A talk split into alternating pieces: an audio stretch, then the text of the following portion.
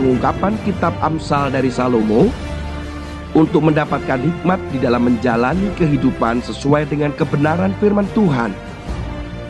Dibawakan oleh Tony Nardiwiono. Selamat mendengarkan.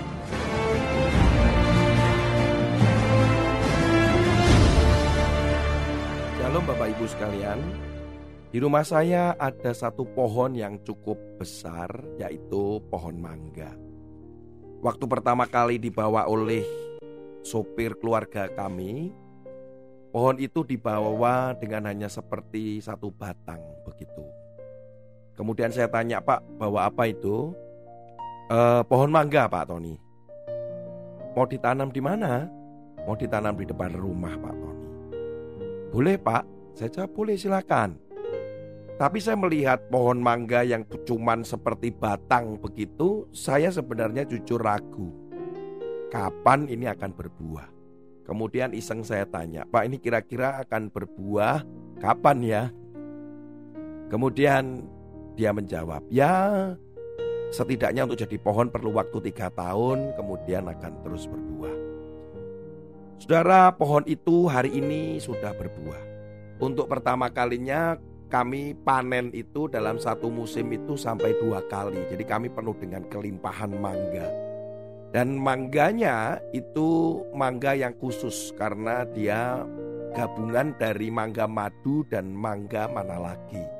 Wow, itu sangat keren banget, enak banget saudara. Itu kedua jenis mangga itu paling saya sukai. Dan mulai 3-4 tahun terakhir memang keluarga kami jarang sekali beli mangga karena memang setiap musim berbuah kami nggak perlu beli kami cukup memetik saja. Cuman tahun ini kami memetiknya sampai dua kali karena dua kali panen. Saudara, pohon yang berbuah dan itu lebat buahnya, kemudian sangat enak rasanya, maka pohon ini akan dikerubutin oleh banyak orang. Orang akan berdatangan untuk berusaha mengambil buahnya yang memang lezat sekali. Bahkan kalau ada orang lewat di rumah sampai minta izin untuk minta buah. Di sisi lain antara mau memberi dan kami rindu untuk tetap bisa memiliki dan memakannya jadi dilema tersendiri. Walaupun toh akhirnya memang kami memberi. Dari satpam, orang yang lewat, asisten rumah tangganya di sebelah rumah, ada anak-anak, mereka kadang kalau tidak mengambil ya menunggu buah yang terjatuh karena sangat manis. Saudara, kalau kita berbicara tentang buah itu yang manis dan berbuah, maka orang akan berdatangan. Tapi kalau buahnya kecut, tidak enak, ya orang akan meninggalkan dan bahkan mengambil pun tidak.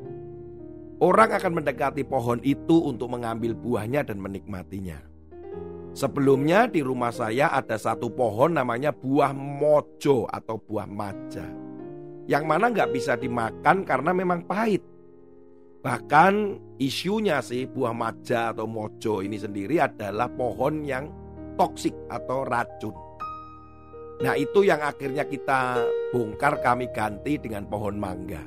Ketika masih ada pohon mojo atau maja itu, tidak ada satupun orang mendekat bahkan minta izin untuk mengambil buahnya. Buahnya jatuh aja nggak ada yang mengambil. Tetapi ketika pohon mangga itu ada di depan rumah kami, wow, banyak orang datang untuk mengambilnya. Firman Tuhan berkata di dalam Amsal pasal yang ketiga, ayat yang ke-18. Ia menjadi pohon kehidupan bagi orang yang memegangnya, Siapa yang berpegang padanya akan disebut berbahagia. Bahwa ketika kita hidup di dalam firman dan firman itu ada di dalam kita, orang itu akan mendekat kepada kita dan mereka merasa nyaman dan berbahagia. Pohon yang dikatakan pohon kehidupan itu adalah pohon yang menghasilkan buah pohon yang bertumbuh dengan sehat dan menghasilkan buah, buah yang manis, buah yang sedap. Orang akan mendekat kehidupan saudara dan dia akan nyaman bersama dengan saudara karena saudara dipenuhi oleh kebenaran firman. Apa yang saudara ucapkan, apa yang saudara ungkapkan, sikap, perilaku, semuanya orang itu akan mendengar, melihat, dan dia akan nyaman dan mencari saudara. Mereka akan menemukan Yesus di dalam hidup saudara dan saya, karena itu mengalir aliran-aliran yang itu adalah aliran kehidupan. Kalau di dalam Amsal ini dikatakan hidupnya itu seperti pohon yang berbuah, pohon kehidupan.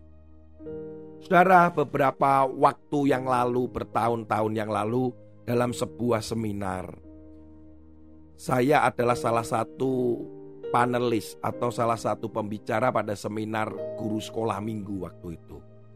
Sementara break atau waktu istirahat, saya diajak oleh seorang hamba Tuhan untuk keluar dari ruangan kebetulan itu ada di sebuah mall. Kemudian hamba Tuhan ini mencari counter pembuat kartu nama dan dia mengajak saya, Tony, ayo kita buat kartu nama. Saya bertanya untuk apa Pak? Loh ini kesempatan karena ada begitu banyak guru-guru dari berbagai gereja. Kita bagikan kartu nama kita supaya kita dapat diundang menjadi pembicara di gereja mereka. Saya akhirnya mengikuti beliau, kemudian ada di counter itu, kemudian pertama beliau menulis namanya untuk dicetakkan kartu nama. Ketika beliau meninggalkan counter itu, selanjutnya saya ditanya oleh penjaga counter, e, Bapak mau buat kartu nama juga dan saat itu saya sudah menuliskan nama saya dan saya segera membuat kartu nama. Tiba-tiba di hati saya benar-benar ada perasaan yang tidak enak sekali. Seperti ada kata-kata stop. Dan saat itu saya terdiam dan membatalkan untuk membuat kartu nama. Kemudian selesai acara itu saya pulang dan saya tetap bertanya-tanya dalam pikiran saya kenapa Tuhan saya kok hati saya tidak enak ketika saya mau buat kartu nama. Karena saya berpikir bahwa dengan kartu nama itu saya akan menyebarkan nama saya, kemudian orang akan mengundang saya, orang akan mendekat dengan saya, mencari saya sebagai pembicara, anak-anak ataupun KKR anak-anak dengan segala kreativitas yang Tuhan berikan pada saya. Tetapi kenyataannya Tuhan tidak mengizinkan untuk saya membuat kartu nama. Dalam sebuah perenungan lebih lanjut dalam hari-hari berikutnya adalah Tuhan cuma mau bicara yang membuat engkau orang dekat dengan engkau mengundang engkau itu bukan karena usahamu dengan caramu untuk orang itu datang kepadamu. Tetapi adalah dengan caraku saya jadi mengerti cara Tuhan yang indah ketika kita menghasilkan buah. Sampai hari ini saya tidak pernah punya kartu nama kependetaan saya. Saya tidak pernah punya nama kartu nama tentang pelayanan saya. Saya tidak mau dan saya mau taat saja bahwa saya tidak punya kartu nama terkait dengan pelayanan saya. Setiap kali pergi pelayanan di mana saja Tuhan bawa dan Tuhan kirimkan saya, Kadang ditanya, Pak Tony punya kartu nama? Saya bilang saya nggak punya kartu nama. Sementara ada hamba Tuhan yang lain punya kartu nama. Bahkan saya pernah menemukan kartu nama seorang pemimpin pujian dan ada nomor rekening dan seterusnya. Dan jujur saya tidak punya untuk itu. Ini bukan berbicara bahwa hamba Tuhan yang punya kartu nama itu salah, bukan. Tapi ini proses personal atau pribadi saya dengan Tuhan bahwa yang membuat saya mungkin diundang berbicara dan melayani Tuhan itu bukan usaha saya untuk supaya orang melekat dan tahu saya lewat kartu nama. Karena Tuhan akan memproses saya supaya menghasilkan buah. Buah jiwa-jiwa, buah pelayanan, buah pertobatan. Itu yang orang tahu dan lihat. Dan orang akhirnya percaya, mendekat, kemudian datang kepada saya. Kemudian mengundang, mempercayakan sebuah pelayanan, mempercayakan sebuah tanggung jawab-tanggung jawab yang lain. Itu bukan karena usaha saya, tapi karena pohon itu bertumbuh dan menghasilkan buah. Karena firman itu hidup. Firman itu ada dalam diri saudara dan saya. Saudara, ingat magnet bumi. Magnet itu yang paling kuat di seluruh dunia itu hanya magnet bumi. Jadi magnet yang terbesar yang paling kuat yang ada di bumi ini ya magnet bumi yang ada di inti bumi. Saudara, kalau kita melihat ada uh, orang menyebutkan ada magnet ini, magnet itu, ada juga magnet bumi yang bentuknya diambil saya nggak tahu prosesnya, tapi yang sangat kuat sekali. biasanya digunakan oleh para pesulap di mana untuk menarik sesuatu tanpa kelihatan karena disembunyikan di cincinnya, di kancing bajunya, macam-macam. Nah di situlah itu akan menarik dan sangat kuat sekali. Ternyata magnet itu bisa hancur atau kekuatan magnetnya itu bisa hilang. Itu ketika dilakukan dengan dua cara. Satu adalah dipukul, yang kedua adalah dipanaskan. Ketika dilakukan pemukulan atau pemanasan, maka molekul-molekul kutub yang ada di dalamnya akan tercerai berai dan kemudian kalau dipanaskan mereka akan hancur. Saudara kalau sesuatu itu hancur dan tercerai berai, tidak bisa lagi magnet itu menarik. Menarik benda atau kuat di dalam menarik. Firman Tuhan katakan di dalam Yohanes pasal yang ke-15 ayat 7 dan 8. Jikalau kamu tinggal di dalam aku dan firmanku tinggal di dalam kamu, mintalah apa saja yang kamu kehendaki dan kamu akan menerimanya. Dalam hal inilah Bapakku dipermuliakan, yaitu jika kamu berbuah banyak dan dengan demikian kamu adalah murid-muridku. Saudara, kalau kita bersama dengan firman dan itu adalah Kristus sendiri, itu bersama-sama dengan Kristus, itu akan menghasilkan buah yang banyak. Itu akan menarik banyak orang. Orang akan melihat Kristus di dalam kita. Orang akan melihat buah-buah pertobatan kita, buah-buah jiwa kita. Itu orang akan melihat. Di situ orang akan datang, mungkin akan mau konseling mereka uh, menginvestasikan sesuatu karena mereka percaya bahwa ada firman, ada Kristus di dalam kita.